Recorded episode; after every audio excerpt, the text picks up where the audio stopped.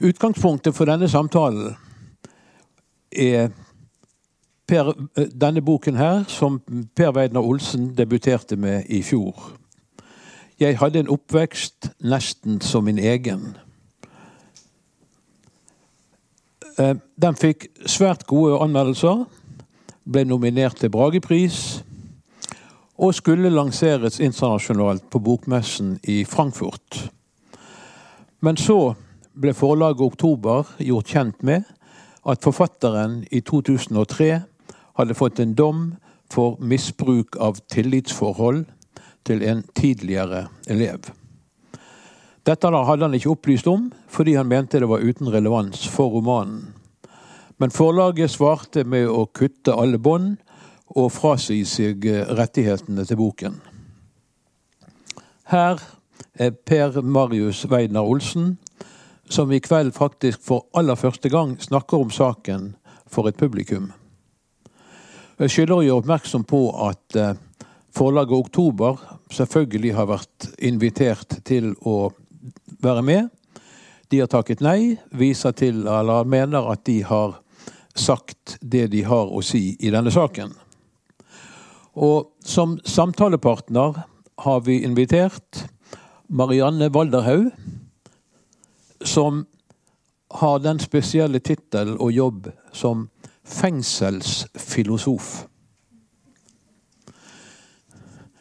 Eh, jeg tenkte at vi innledningsvis skal gi de to anledning til en kort, kort egenpresentasjon.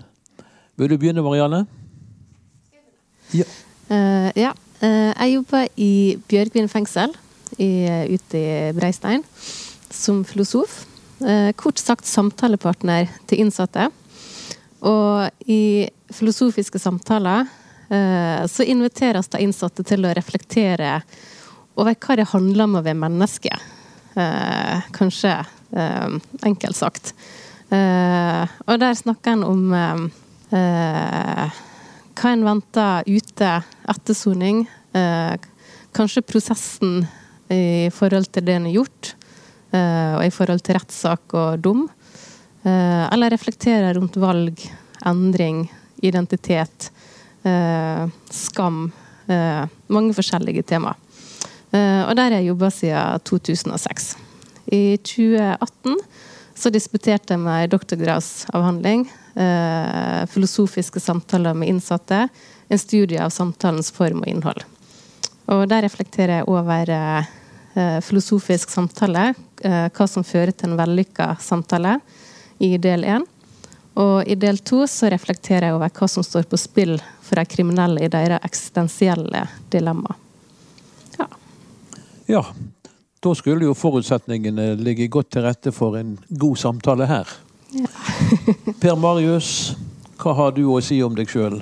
Ja eh, Jeg ga da ut denne boken, som dere da vet, i fjor høst. Og debuterte da i ganske høy alder eh, som romanforfatter. Eh, jeg, I 1983 gikk jeg på forfatterstudiet i Bø.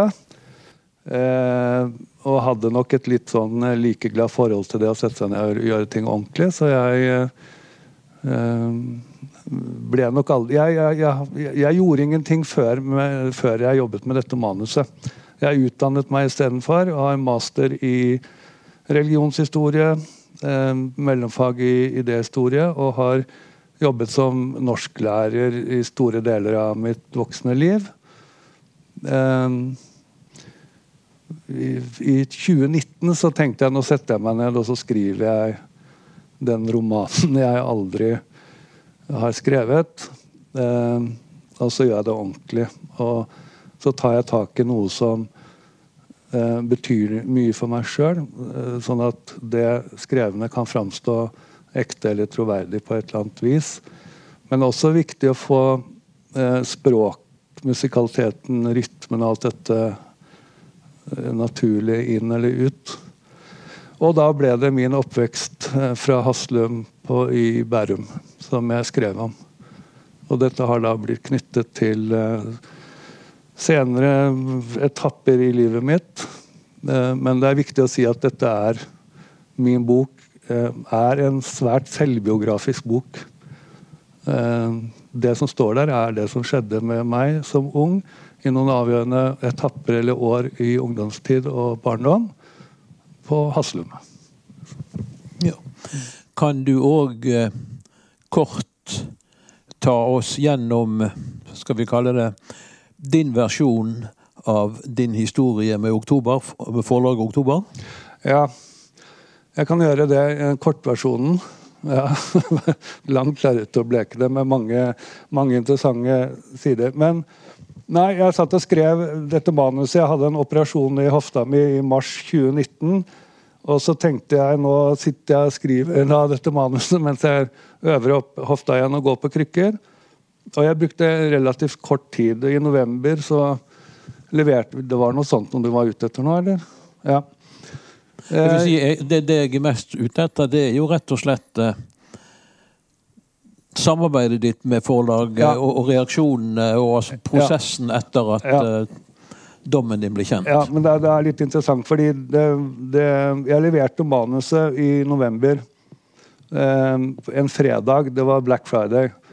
Uh, og så ringte de til meg tre timer etter at jeg hadde sendt dette manuset på mail, så jeg trodde det var Black Friday siden jeg ikke kjente nummeret. Jeg tok ikke telefonen. Og så ringte de opp igjen lørdag formiddag og ble enige om et, det jeg oppfattet som et manusmøte fire dager etterpå, torsdag, påfølgende torsdag. Da hadde vi et manusmøte. Vi snakket om det jeg nettopp sa, at dette var et selvbiografisk stykke. Uh, sånn at den prosessen der var veldig rask. Uh, de På slutten av møtet tilbød de meg en kontrakt. Eh, og da takker du ja når Oktober Forlag tilbyr det. Så takker du jo ja. Vi gikk ikke gjennom kontrakten. Jeg sa at jeg ikke hadde gjort det, og da sa de at du kan ta den med hjem og lese den.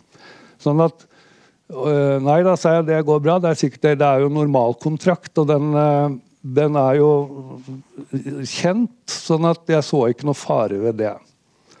Noe det for så vidt heller ikke skulle være. Så jeg signerte og var euforisk glad og lykkelig over dette.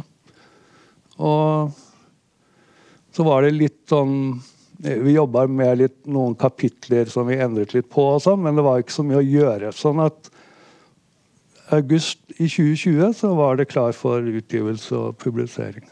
Og så kommer vi til september-oktober. Ja. Eh, det er ikke bare første gang jeg uttaler meg offen, nei, med publikum om denne saken. Jeg tror det er første gang jeg uttaler meg med publikum om noe. uh, nei, ja, så, så, ble det jo som, som, Jan sa, så var det jo gode kritikker. En Drage-nominasjon. Jeg, var, jeg, var, veldig, veldig glad, naturlig nok, da. Så i september, fire-fem uker etter debut, lanseringen, så ringer de fra oktober og sier at de kjenner til en dom eh, som jeg har fra 2013, 20, nei, 2003. Og ber meg komme inn til en samtale, eller et møte, sporenstreks. Jeg bor i Tønsberg, så jeg satte meg i bilen og kjørte inn eh, og snakket med dem da med eh, forlagssjef og redaktøren min. Vi tre. Hadde da en samtale på en times tid hvor jeg forklarte meg om De ville vite da veldig mye om den dommen. Og hvorfor jeg ikke hadde sagt noe om den. Og jeg forklarte meg da etter beste evne i en noe oppvirvlet eh, Ja, det var, det var selvfølgelig eh, en veldig spesiell situasjon, men jeg forklarte det jeg mente det var å forklare og så på det som første etappe i, en, eh, i noe som skulle gjøres mellom forfatter og forlag, for å finne ut uh, hva gjør vi nå. Ja. Uh, på det tidspunktet så var det ikke noe De ville bare vite, og de ville da lese dommen. Og det ble foreslått en, en, offentlig, altså en uttalelse til pressen i tilfelle pressen fikk nyss om dette, så ville Oktober at, de, at jeg kom med en uttalelse om at jeg hadde gjort noe galt i, i, i tidlig i livet at jeg hadde sont en dom, og at jeg eh, hadde gjort opp for meg, og at jeg beklaget, eh, og så videre. Eh, og at jeg ikke ønsket å uttale meg noe videre om saken. Og da ble det veldig mye frem og tilbake mellom forlagssjef og forfatter om hvordan denne ordlyden skulle være, slik at den ble så korrekt eller presis som mulig i forhold til hva som var tekniske fakta, kan du si, eller fakta i dommen. Det, det var det eh, kommunikasjonen dreide seg om den første uken. Og jeg var jo i, et, i, et, i en jeg, i, I min forestillingsverden så skulle vi jo da finne ut av dette sammen. og jeg appellerte til forlaget og oppfordret til kommunikasjon og dialog, men det, det uteble. Det var noe mail om denne uttalelsen vi skulle komme med, men ikke noe mer enn det. Eh, og det overrasket meg vel. Og da forsto jeg at, vel, at forlaget Oktober så på dette som noe problematisk, som de nok kanskje ville prosessere internt uten forfatterens deltakelse. Jeg var jo helt sikker på at vi skulle finne ut av dette sammen. Så jeg sendte et par mail hvor jeg oppfordret til dialog, kontakt. Eh, fikk ikke noe svar på det. Og så fikk jeg en telefon hvor de uttrykte at de forsto fornærmede at det var et alvorlig tillitsbrudd, eh, det jeg hadde gjort. Ikke å informere dem, fordi det står i normalkontrakten noe om gjensidig informasjonsplikt. Kanskje for de som har bedre greie på det enn meg, så er det kanskje en, en litt sånn nedstøvet paragraf som, som kanskje vel handler om publisere eller kommersielle eller publistiske sider ved utnyttelse av verket, og ikke opplysninger eller en redegjørelse om forfatterens eh, liv. Eh, men de mente da at dette var helt relevant informasjon som de burde ha fått, siden bokens hva de kalte det, det var en tematisk berøring mellom, mellom eh, romanen deler av romanen og, og straffesaken mot meg. Fra, er du enig i at det er en slik berøring? Eh, Nei, jeg har alltid ment at det ikke er det. Eh, jeg, ser selvfølgelig at man, snakker om eh, seksuelle overgrep mot mindreårige i boken, som jeg da skriver om.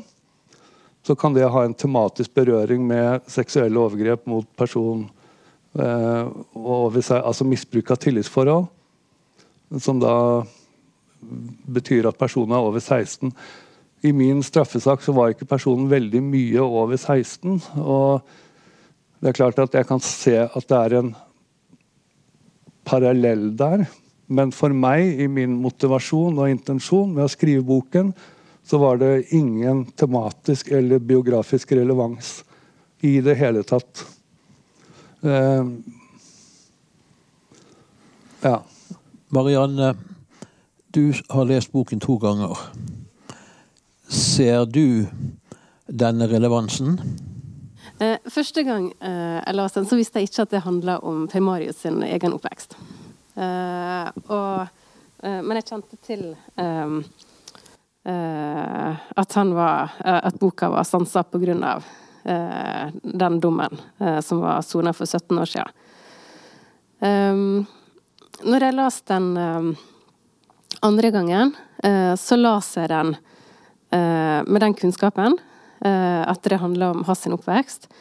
Um, og så, altså for det som på en måte har blitt gjort med, med boka etter kjennskapet til, til eh, til dommen for 17 år siden, er jo at en har lest inn at boka eh, handler om overgriperen. Eh, mens forfatteren skriver og reflekterer ut fra offeret sin rolle. Eh, så når jeg leste den andre gang, så leste jeg den eh, med å lytte til offeret. Eh, og jeg syns at det som er, sånn som jeg har forstått det, er prosjektet her, å nyansere sjølopplevelsen til offeret.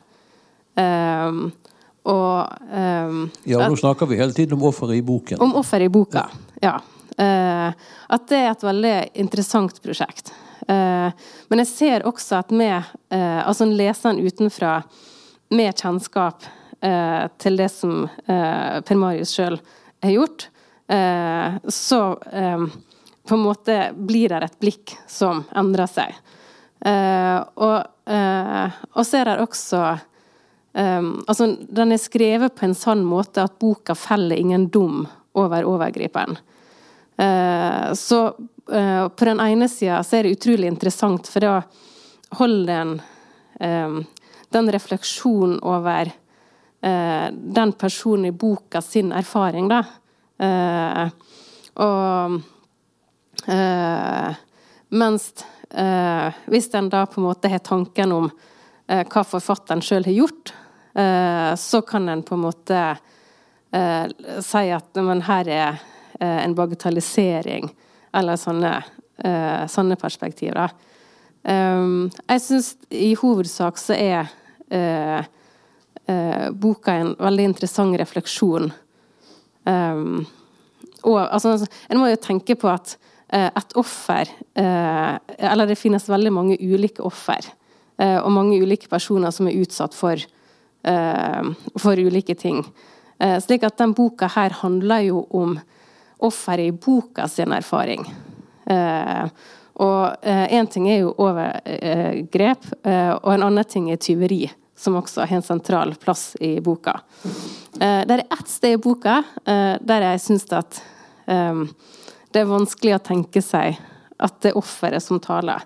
Om det er min da fordom som andre har, Eh, det er på en måte vanskelig å si ut fra den kunnskapen jeg har. Ja, jeg stopper der, jeg. Ja. Ja. altså, jeg, jeg, jeg syns det, det, er utrolig interessant. Vi skal ikke snakke om skyld og soning, mer om skyld og soning.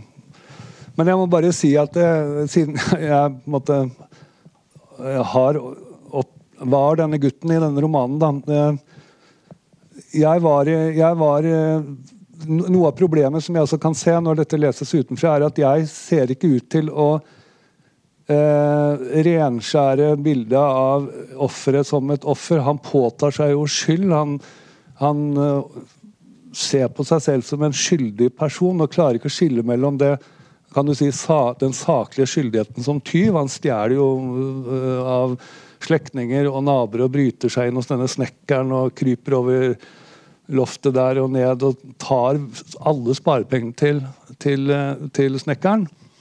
Og føler enorm skyld, og den skylden er jo saklig. Han påtar seg også skyld som offer for overgrep. Og min, mitt ønske og min intensjon var jo å problematisere skyld som et upålitelig mentalt forløp. Et komplekst forløp inni det enkelte mennesket uavhengig av hvor presis skyldforståelsen er i en moralsk selvsikker omgivelse. Så, så, selv om vi på utsiden er kan du si, moralsk treffsikre i vår vurdering av riktig og galt, så er det ikke dermed sagt at det, det enkelte mennesket er like treffsikker i, i, inni seg. Særlig ikke når man kommer i berøring med si, dramatiske erfaringer, opplevelser eller handlinger som man selv utfører, da, altså tyveri. Så han følte seg ikke som et offer da han deltok i disse for ham ikke veldig sånn, traumatiserende uh, erfaringene med, med voksne. Uh, ja, og jeg snakker kun om romanen da. Uh, sånn at jeg syntes det var mye mer interessant å gi en skildring, problematisere dette med skyldopplevelse, uavhengig av hva som er korrekt skyldopplevelse i omgivelsene og i nåtiden. Og, og hans skyldfølelse er jo uhåndterlig. og En annen ting med den romanen som, jeg, som var viktig for meg, var jo å si at en skyldopplevelse som aldri blir prosessert, som aldri får sin, sitt oppgjør eh, aldri får sin lutring og sin renselse eller soning. En slik skyldopplevelse eller skyldfølelse vil da vedvare og aldri ta slutt. Enten denne skyldfølelsen er, eller skyldopplevelsen er saklig, altså som tyv, eller usaklig, altså som offer. Sånn at den juridiske og moralske siden av skyld eh, ser denne gutten aldri noe til, og han baler med sin skyldfølelse. Og da kan det se ut som at jeg tildeler offeret skyld, mens jeg da stiller meg likeglad til, eller til og med fritar eh, overgripere, eller overgriperen, overgriperen i romanen for skyld. Ja. Og det har aldri vært min hensikt. Jeg ser at pga. denne straffesaken senere i livet mitt, at man kan assosiere slik, men det var jo aldri min hensikt. Og det var aldri relevant for meg å trekke frem straffesaken i min tenkning da jeg satt og skrev boken, fordi en straffesak har et, et, juridisk aspekt ved skyld og et moralsk aspekt, altså det gale man har gjort, og den fordømmelsen man blir møtt med. Og også sitt skyld- eller angeroppgjør inni seg. Den moralske skylden der og den juridiske prosessen rundt skyld. For meg var det det psykologiske, mentale. Sånn at jeg, jeg oppriktig talt, jeg føyde ikke disse to tingene sammen. Det var ikke interessant for meg å diskutere det juridiske og moralske. Det som var interessant, var forløpet inni denne gutten. Og som aldri blir avslørt som tyv. Og han blir heller aldri på en måte tatt inn i en omfavnelse av noen som bryr seg om han etter at de skjønner at han har vært utsatt for overgrep. Sånn at, og For meg var det jo en utstrakt hånd til ethvert offer. Det var jo ikke en skyldtildeling. Jeg klarer ikke å forstå at andre forstår det annerledes. Jeg, jo, jeg klarer det med kognisjon, men jeg, jeg klarer ikke å uh, leve den forståelsen, kan du si. Men det som uh, um, Det interessante som du gjør um, og uh, jeg tenker det, det, som jeg også tenkte altså Det finnes ulike typer overgrep. Også sånn som du sier at personen i boka er utsatt for ikke veldig traumatiserende overgrep. Men det som er velkjent, er jo at offer i overgrep, de føler skyld. Altså at det, det, det, er ikke noe som er ukjent. Det som du gjør som er annerledes enn en kanskje er vant med, det er at du tar oss med altså på, I forhold til begge overgrepene, så skjer det liksom bare. Så jeg tror sånn uavhengig av sånn alvorlighetsgrad på overgrep, så er det noe sånn eh, Det at overgrep bare skjer uten en er klar over det, eh, det tror jeg mange som kan kjenne seg igjen i. Eh, og at det også da blir eh, her eh, altså, Du skriver at det er på en måte noe som er bevirka av eh, meg sjøl, at personen opplever det på den måten. så jeg syns det er veldig sånn interessante refleksjoner eh, som eh, der, altså, der, eh, altså hvordan eh, overgrep skjer som noe som på en måte en ikke helt forstår at skjer eller har skjedd. Eh, og kanskje også der skyldfølelsen. Eh, men det som er annerledes, da, og som også gjør refleksjonene interessante, det er dette her at du ikke feller en dom over overgriperen. At du har på en måte denne her distansen eh, der Og det er kanskje det som kan oppfattes som bagatellisering når en kjenner til straffesaken. Eh, at eh, da på en måte tenker en som I stedet for en på en måte følger forfatteren i det å eh, reflektere over den eh, psykologiske skyldfølelsen, som du egentlig sier i boka ikke er riktig. Og du sier jo også i boka at det er overgriperen som har hele skyld. Eh, men, men da er det noe med leseren som kobler inn straffesaken utenfra, og så leser det inn. Altså det som også fascinerte meg nå når jeg leste det gang to altså Det er jo to overgrep som er sentrale. og så er det historie om mor, og så er det historie om far. som jeg syns også er veldig sånn, sterke historier i boka. Og så er det tyven og tyveriet. og i Der, eller sånn, der tyven og denne her og tyven som egentlig vet at den har blitt tatt, men som eh, eh Når en blir spurt om det, så innrømmer ikke tyven. Eh, og så blir ikke det gjort veldig konkret, og derfor så lurer han seg unna. Men ved å på en måte da ikke innrømme, så blir tyven aldri ferdig med saken. Så det er en veldig sånn sårhet gjennom hele boka. Eh, den dårlige samvittigheten og det her uoppgjorte. Og veldig interessant dette her med eh, altså at det både erkjennelse og straff må til på et vis eh, for å kunne legge det bak seg. Da. Og kanskje liksom på måten boka er skrevet på, så er det eh, det hos tyven eh, på en måte alvoret lagt inn, eller du kan kjenne på, eh, på denne kampen. Eh, mens når det gjelder overgrepene, så er de skildra på en annen måte enn det som er vanlig. Uh. Ja, jeg, jeg, altså un, Ungdom og Nå er jo han her gutten Han er mellom 12 og 15 da han blir utsatt for disse overgrepene. Han har, har, jo ingen referanse til rådende moral. Han forstår at det er galt, det de gjør, men han, han føler seg jo ikke som et overgrepsoffer. Eh, men det der med at jeg ikke til at jeg, jeg, synes, jeg bryr meg ikke noe særlig om overgrep, overgriperne. Det er ikke sånn at jeg lar dem gå fri ved å ikke uh, fordømme dem moralsk. Uh, og litteraturen skal jo ikke uh, speile eller gå, skrive på oppdrag fra en rådende moral. Det går jo ikke. Da blir jo det, det, går jo simpelthen ikke. Så man må jo tørre å stille de Stå for den vanskelige tenkningen og ikke den riktige tenkningen. Og, og, for meg så var det ikke noe Det var rett og slett ikke interessant, men disse overgriperne var mye mer interessant hva denne gutten går igjennom. Kan jeg bare si en ting med Jeg leser ikke så veldig mye litteratur. Alle har gjort det.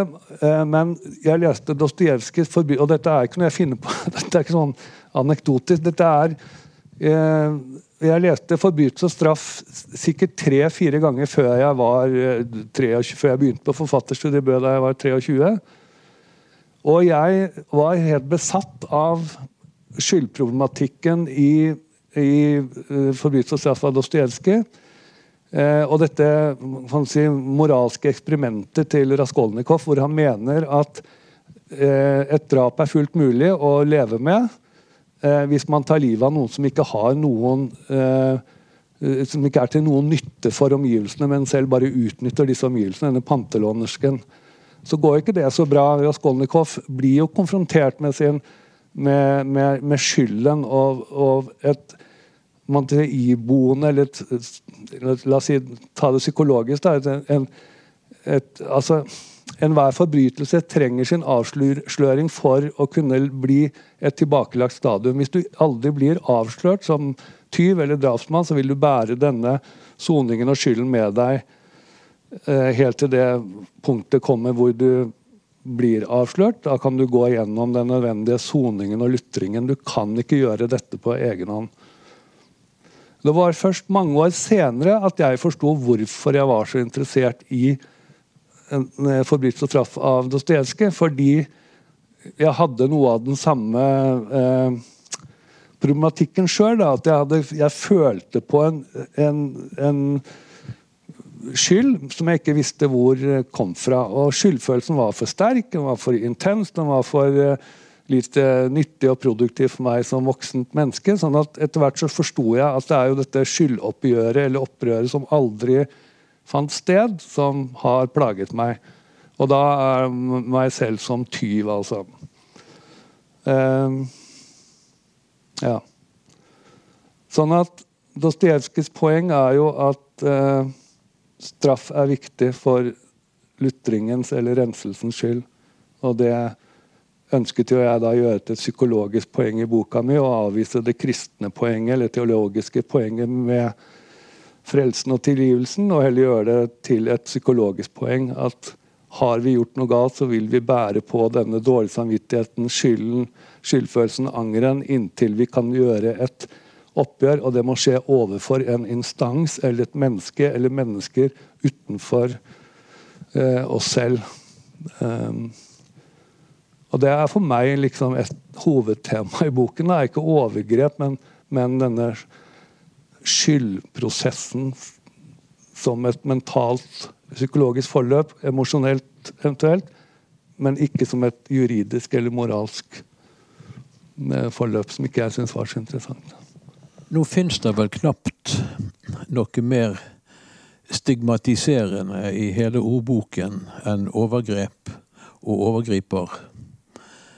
Det er vel grunn til å tro, Marianne, at nettopp fordi overgrep over, overgriper dukker opp i, i denne sammenhengen, og på ikke-fiksjonsnivå, at vi har fått så stor oppmerksomhet om akkurat uh, denne saken. Eller hva tror du? Jo, altså, jeg tenker at uh, det som i hvert fall er i, i, samfunnet vårt i dag, at er det noen som virkelig hater, uh, og som på en måte er veldig sterke fordommer mot, så ser det folk som har begått overgrep. og det som, som jeg syns er interessant, da, i forhold til tenker både når det gjelder ytringsfrihet, og når det gjelder det med å sone. altså Eh, he, altså kan en gjøre opp for seg eh, når en har begått et overgrep. Og jeg tenker altså det som, eh, som er vanskelig med overgrep, at der har en krenka noen eller skader noen andre, som da mange må leve med det hele livet og har blitt gjort overgrep mot. Og det er slik at det berører den andre part sitt liv Eh, og kanskje hele liv. Eh, så det er en annen type kriminalitet enn f.eks. det å drive med rus, eller eh, det å drive med vold innad i kriminelle miljø, eller sånne ting. da. Som kanskje er lettere å både tilgi og forholde seg til. da. Og det er jo veldig viktig, det fokuset som har vært de siste åra på overgrep. At en politi også satsa mer på å ta de som gjør overgrep. Eh, det som eh, er vanskelig, eh, sånn som en forholder seg til folk som har gjort overgrep i dag, det er f.eks. det her monsterblikket. At en tenker seg folk som har gjort overgrep som en viss type personer som, som en kanskje ikke tenker seg mulig å endre. Da er du overgriper hele livet? Da er du overgriper hele livet. Og en skiller ikke eh, mellom overgrep. Eh, og eh, altså sånn, den, altså, Også når en har gjort overgrep, så får en eh, en straff. Eh, og så er jo straffa meint som muligheten til å gjøre opp for seg. Eh, og jeg har tenkt masse på dette her at å se straffa som som den juridiske delen av å kunne gjøre opp for seg, Eh, men så også det med gjenopprettende prosesser. Eh, altså det å komme tilbake til, eh, til samfunnet, til familie og venner. Så er ikke det noe en kan Altså der må en på en måte er det opp til den enkelte hvordan en inkluderer folk. Jeg tenker på de som er berørt. da.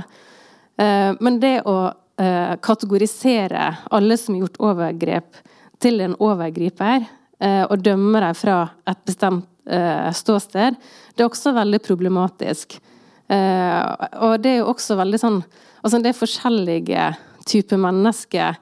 Eh, og jeg tenker at det som er viktig med at det er eh, staten eller retten som eh, står for oppgjøret i en straffesak, det er jo nettopp at det skal være, ha muligheten til å kunne gjøre opp for seg. og når en har gjort opp for seg på det juridiske, så må en også kunne få komme tilbake til samfunnet. Både til å ytre seg og til å være en samfunnsborger. Og så er det dette med at når en har gjort opp for seg, så må en samtidig ta med seg altså En starter ikke med blanke ark, men en må ta med seg det en har gjort.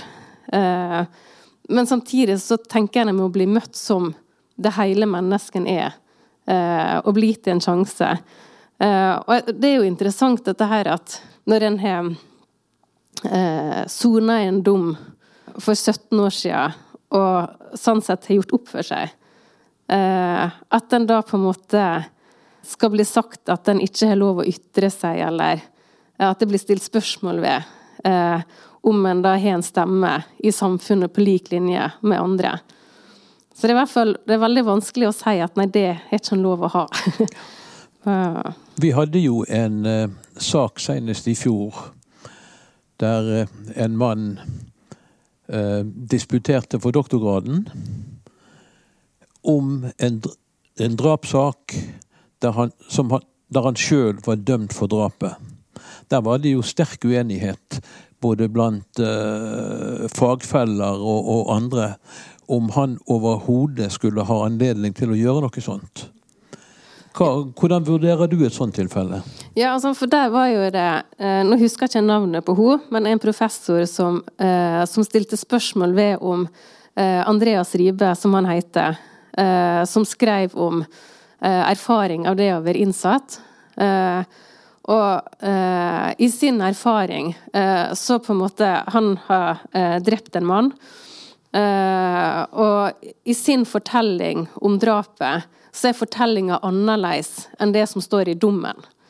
Um, og da var det ei som, stilte, uh, som sa at en som, er, uh, som er drapsdømt, uh, kan ikke ha retten til å fortelle sin historie på den måten. nå ble, ble, hun ikke hørt, og han disputerte.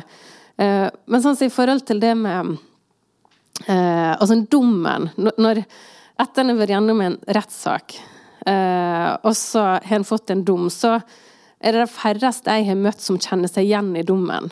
Eh, eller som har akkurat samme historie som sånn dommen er fortalt. Eh, og det betyr ikke at de ikke erkjenner det de har gjort, eller tar avstand til det de har gjort. Det som, som jeg syns er veldig interessant med Andreas Ribes historie, det er jo at han forteller om denne erkjennelsesprosessen.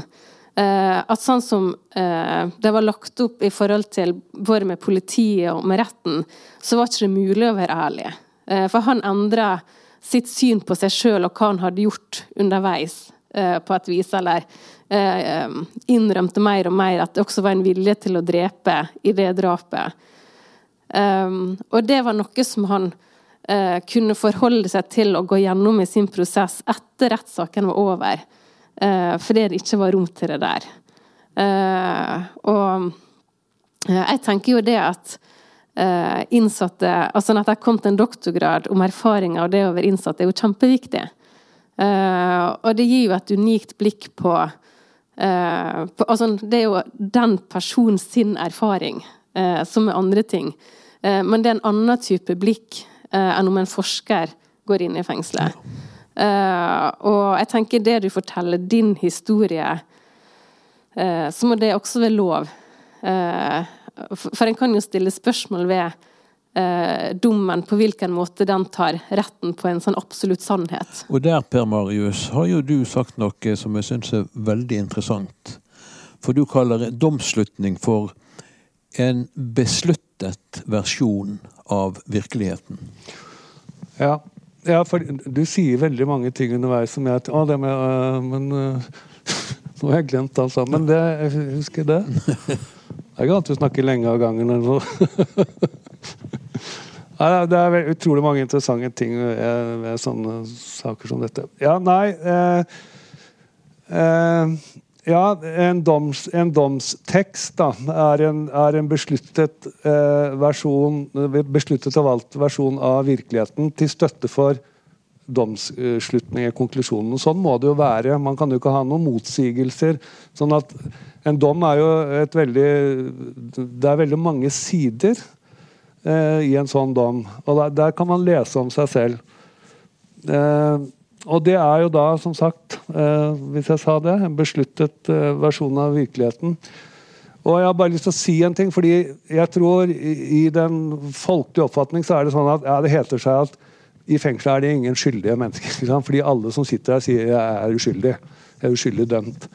Det er ikke riktig. Eh, min dom var på 30 dager, det er jo ikke all verden. Men i 2004, altså 2004, da jeg sonet dommen, så ble det besluttet av Knut Storberget eller en annen justisminister at soningskøene skulle ned. Sånn at man ble satt der hvor det var ledige plasser. Så jeg ble satt på Ila eh, fengsel og forvaringsanstalt, som er en ganske heftig eh, soningsinstitusjon i Bærum. Da jeg var liten, så ble jeg med mora mi bort dit til Ila for å kjøpe blomster og tomater, fordi eh, gartneriet på Ila hadde de beste eh, tomatene og blomstene, og sikkert også de billigste. Så for meg så var det å komme eh, til en, en sirkel var på en måte sluttet. og Kuriøst nok, så fordi jeg ikke var en farlig forbryter og bare skulle være der i 30 dager, så fikk jeg tilbud om å jobbe nettopp i gartneriet. Sånn at jeg har sett gartneriet fra, fra ulike steder, kan du si. da. Men eh, veldig mange jeg sonet med, og jeg var, jeg var, en slik type fange som mange nok ikke hadde forholdt seg mye til. Jeg var ikke en typisk kriminell. så jeg har opplevd at mange av de innsatte som da sitter på fryktelig tunge dommer, det er drap, ran, eh, voldtekt og mange kjendisfanger.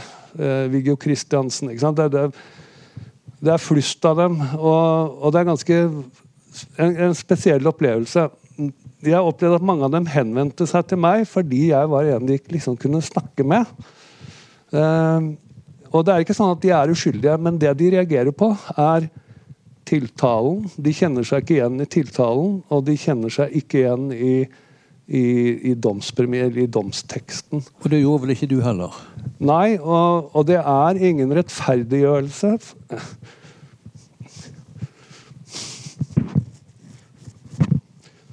Det er noen mennesker, det er noen eh, straffedømte som ikke evner å påta seg skyld, som ikke føler anger. Det at de eh, menneskene finnes, skal ikke hindre de andre straffedømte i å kunne eh, angre og bli, bli, erkjent som mennesker som er i stand til å angre på det de har gjort. Eh, men eh, sånn at de jeg snakket med, de hadde sine runder med seg selv flere ganger. og Hadde veldig god tid på seg. De skulle sitte der i flere år. Eh, og de føler eh, på skyld og de føler på anger for all den skade de har påført eh, mennesker på begge sider. Eh, det er, Hvis man snakker om eh, nei, fornærmede eller ofre, så er det en krets av mennesker der, og så er det en krets av mennesker eh, rundt den straffedømte. Barn, kone, ektefelle, foreldre, søsken, kolleger. Sånn at det er ganske store omkostninger eh, som eh, er i omløp, for å si det sånn, ved en forbrytelse. Og det føler man veldig på.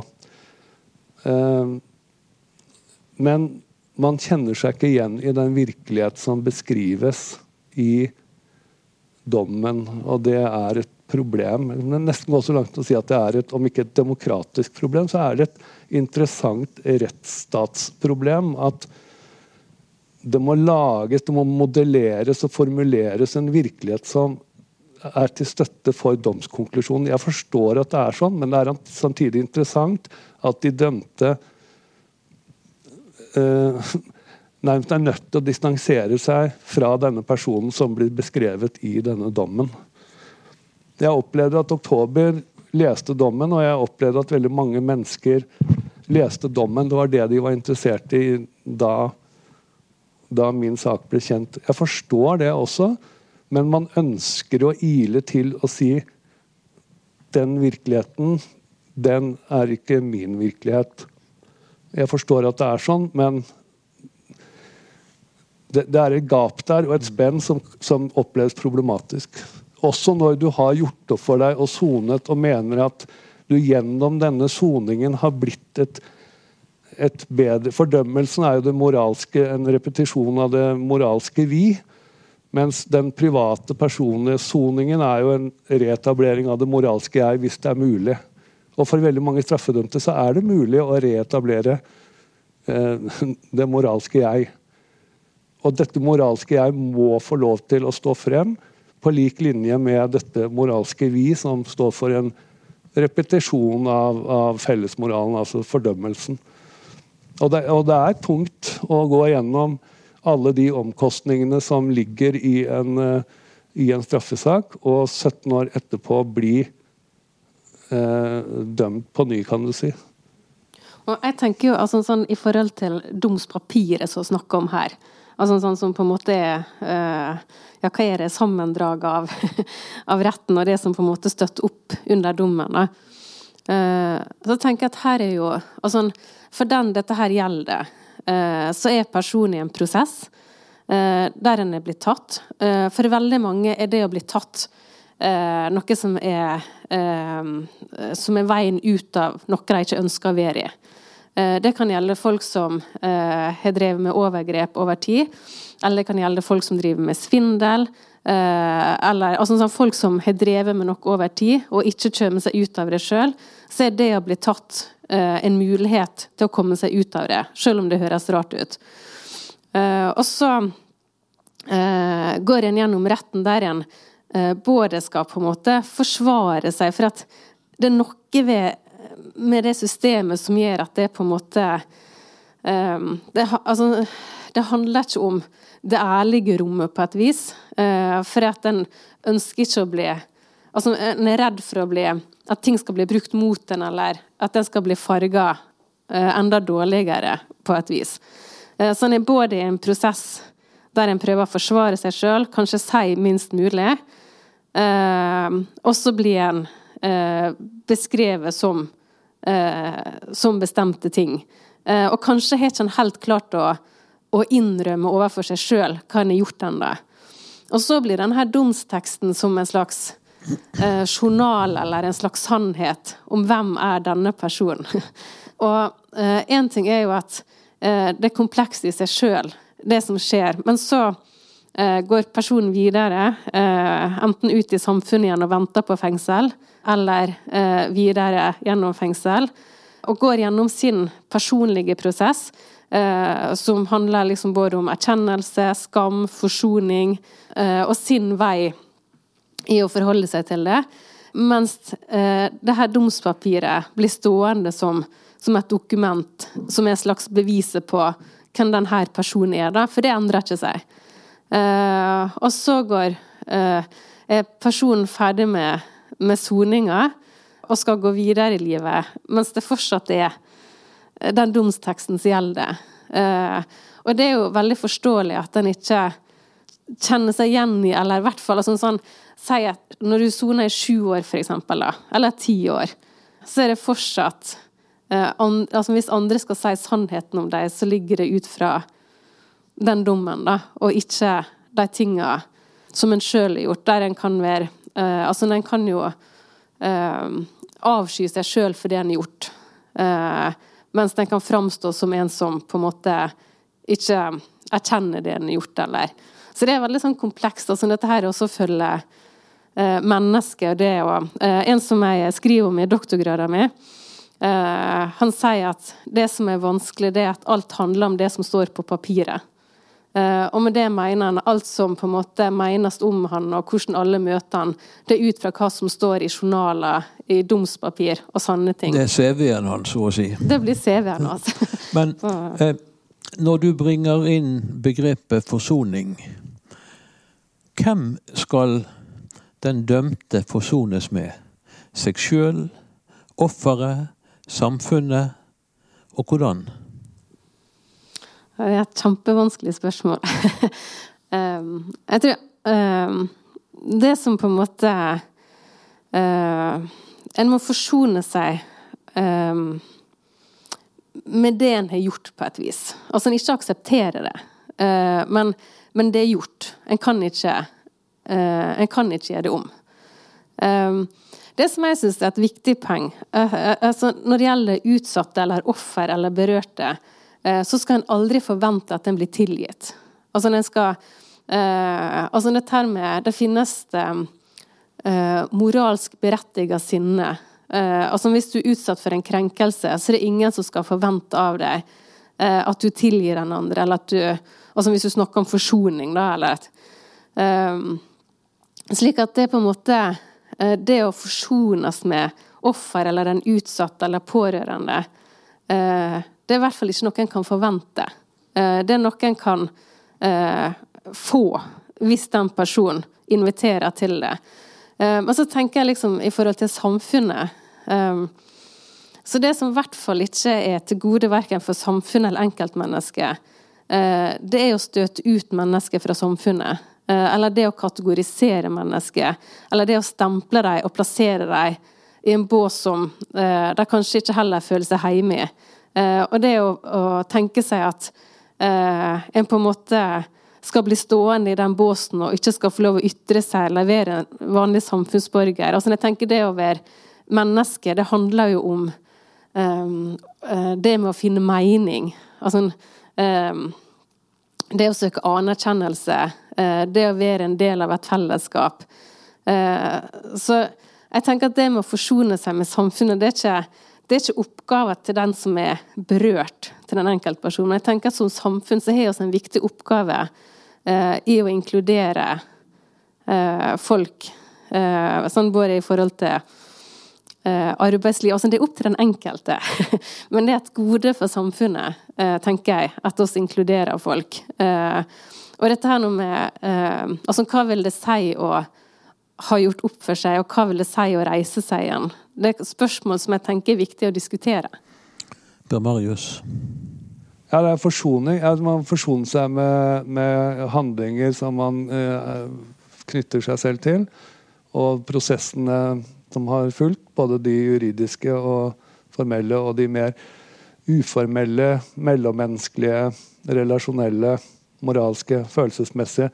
De prosessene der man forsoner seg med det. Og så ligger det på en måte en plikt i, eller i hvert fall et forslag, oppfordring til plikt i soningen og straffen. Og det er å da reetablere det moralske jeg, da. Og Det er en utfordrende øvelse, og jeg tenker at det er viktig å forsone seg med det at man har gjort Man må forsone seg med seg selv og sitt forsøk hvis man har gjort dette forsøket eller ønsket det. Det er ikke alle som gjør det, men jeg tror mange straffedømte gjør det. Uh, og den veien til selvoppgjør og, og soning er jo, er jo en, det, er, det, har jo ikke noe datostempel. Det, den er vedvarende, den, altså. den, den. kjenner man på, men den kan også være konstruktiv. Den trenger ikke være nedbrytende, for det vil jo være det å fortape seg i selvbebreidelse, desillusjon, depresjon, sinne, hat eh, vil jo være en ny ugjerning. Så man har på en måte en oppfordring fra statens side, kan du si. Eh, og at du kan godt føle nå en plikt til å bli et bedre menneske. Og når man tar det Når man griper den slags innbilte eller skjulte plikten der, og faktisk blir et bedre menneske, så må man forsone seg med det. Og da kan ikke fordømmelsen utenfra trumfe det. Det er veldig viktig at samfunnet klarer det den dømte selv har klart. Da. Og, og sette en strek. Altså nå kan du gå videre. ikke sant? Du kan til og med være stolt av din soning eller stolt av ditt selvoppgjør hvis du har følt på denne plikten og vært villig til å se at her ligger det mulighet til å reetablere eh, ja, deg selv som menneske. da. Eh, men det må samfunnet vise. og Tidsånden altså Tidsånden er jo den store trusselen og faren i sånne altså Det må tidsånden også klare. å ha det storsinnet og det, den evnen og det motet til å eh, La oss kalle det tilgi, da. Eller ikke tilgi, men sette en strek. Nå legger vi det bak oss. Syns du vi er der? For ellers, hm? Syns du vi er der i dag? Som samfunn? Nei, vi, nei, fordi det blir et annet tema igjen. Men det er vel en, det er vel en, eh, det er vel en semmere Det er vel en strammere eller vanskeligere tid. Vi lever kanskje i fordømmelsens tid. Og eh, altså cancel culture og krenkelses identitetspolitikk og krenkelseskultur og sånn. Så det er, det er eh, lett å føle en frykt for å Eh, jeg vet ikke. Nei, jeg vet ikke. Men, jeg syns ikke vi er noe, eh, kommet noe lenger uh, enn en, før. Jeg syns ikke vi står overfor en raus, storsinnet, liberal nåtid eller tidsånd som har forstått eget, sin egen moralske plikt eller oppgave, nemlig å erkjenne pluraliteten, erkjenne mangfoldet i kulturen. At den samfunnet består av mange mennesker, også forbrytere. og Skal vi snakke mangfold og pluralitet, så må vi også uh, erkjenne at det er sånne mennesker blant oss. Og de har, når de har gjort opp for seg, så, så kan vi sette en strek over det. Fordi sånn må det være. Uh, jeg, kan, jeg, opplever ikke at vi lever i en tryggere og mer liberal verden nå enn Det er kanskje heller, heller, slik at i en tid der moralismen står sterkt så, Og puritanisme og moralisme, ja. ja. Mm. Så blir dette desto vanskeligere. Ja, det er fristende å spørre, stille spørsmålet Hvis denne boken min uten at vi trenger å snakke om den, hvis den hadde blitt gitt ut for, for 10 år siden eller 20 år siden, hvordan ville det stått til med reaksjonene da? At man reagerer, har jeg ingen problem med. Det, det som er på en måte springende punktet, er forlagets dramatiske beslutning om å kutte alle bånd til forfatteren, også uten at forfatteren egentlig fikk snakket ordentlig for seg, altså fikk forklart seg. Eh, jeg har jo forklart meg mye bedre nå enn jeg noen gang har gjort overfor forlaget. Men, men, Marianne men, men jeg, jeg, jeg, kan, ja. Nei, jeg, har gjort det i en kronikk i NRK Ytring og i et intervju i Morgenbladet og i Aftenposten. Eh, et svar til Frank Rossavik, som mente at overgrep var hovedtema i boken. Jeg var ikke enig. Men for meg så er det sånn, Jo lenger tid det går, jo klarere blir mine tanker om dette. Og Dette er jo en prosess som tar tid. Eh, sånn at jeg er enda mer sikker nå. Jo, jo sikrere eller tryggere jeg blir på mitt ønske om å forklare meg, jo vanskeligere har jeg for å forstå resonnementene og, og, og, begrunnelsen eh, og beslutning til, til forlaget mitt. Okay det, det vagiseres, hvis det går an å si det. Det blir mer og mer vagt. Ja. Marianne, du får siste ord, eventuelt siste ordene. Ja, for jeg har bare lyst til å Altså, dette her med forsoning. Uh, altså, det som, uh, som jeg lurer på altså, sånn For at vi er opptatt av dette med fordømmelse eh, og moralisme. Men så lurer jeg på om oss veit hvor masse den straffedømte skammer seg. altså, for at i møte med eh, den som har gjort noe, og, og, i hvert fall gjort noe alvorlig, eh, som, som, alle reagerer på, så skammer en seg så hinsides masse. Eh, og en skulle så ønske eh, at en ikke hadde gjort det. Og jeg syns at det er så spennende i boka, eh, det som du skriver om fallet. Eh, for du skriver om altså, Først går du litt sånn inn i dette her med syndefallet, og så skriver du om Uh, jeg, jeg klarer ikke å huske det helt sånn uh, riktig sånn som du sier det, men det er i fallet en på en måte får kunnskapen eller erfaringa om skillet mellom godt og vondt. Uh, og det er jo på en måte noe som jeg i hvert fall kjenner igjen fra møte med mange som jeg har møtt i Bjørgvin fengsel. så er det på en måte Altså når en på en måte Når det går inn for en, når det går opp for en hva en har gjort, Uh, som på en måte er litt kanskje dette her fallet. Uh, så Så er det på en måte altså, En skulle så ønske at han ikke var der. Og en angrer, og alle disse tingene her. For, for veldig, veldig mange. og så møtes den med fordømmelse og moralisme, og som en overhodet ikke tar ansvar. så jeg tenker i denne forsoninga så på en måte eh, trenger en også omsorg. Eh, nettopp fordi at den Altså, det er vanskelig å komme tilbake til samfunnet ut fra hva en tenker at andre tenker om en, eh, og hva en tenker om seg sjøl. Og så skriver du noe om, eh, om dette her fallet eh, At det å falle videre, det er i forhold til tyven eh, som ikke blir ikke blir tatt eller ikke får erkjent. Altså, hvis du faller videre, så får ikke du den gjenopprettelsen, på et vis. Uh, ja, det, det, det, fallende og det fallende, det mennesket som har falt, og det mennesket som fortsetter å falle. Det siste er ikke gunstig og ønskelig, men er en, en, tildragelse hos noen av oss. men det falne mennesket er jo noe jeg omfavner, for da altså paradisisk tilstand. Paradiset, Da visste man ikke, kjente man ikke forskjell mellom riktig og galt, og alle handlinger var like, likegyldige. Eh, men med syndefallet så får vi åpnet øynene våre og kan skille mellom riktig og galt. og Det er jo vår menneske, menneskets redning, det. Eh, at det gikk som det gikk med Adam og Eva. Uh, men, men i det, man, ja. tenke seg et menneske som ikke kan skille mellom riktig og galt. Et slikt menneske ønsker man jo ikke å se. Men, men sånn den at, som på en måte hever gjennom fallet, eh, som ja. gjelder for mange som har gjort en forbrytelse, eh, så har jo den virkelig innsett skillet mellom rett og galt. eh, og kanskje mm. tatt den her moralske gjenoppreisninga, eller forsøkt å ta den. Eh, som på en måte setter den i et annet lys enn hvis den kun ser den som eh, som den som på en måte gjør for, forbrytelsen. Så jeg tenker at her eh, her har jo personene også en, en viktig innsikt. Eh, og på en måte noe som også gjør at det er viktig for dem eh, å på en måte få gjort opp for seg eh, og bli et bra menneske igjen. På ja, for det var jo det gutten opplevde da i, i, romanen, at han fortsatte å falle fordi det kom aldri til et skyldoppgjør.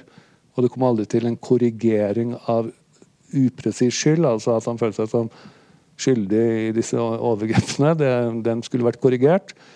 Og eh, hans saklige skyldopplevelse som tyv burde vært konfrontert og, og ferdig, ferdigbehandlet, for å si det sånn.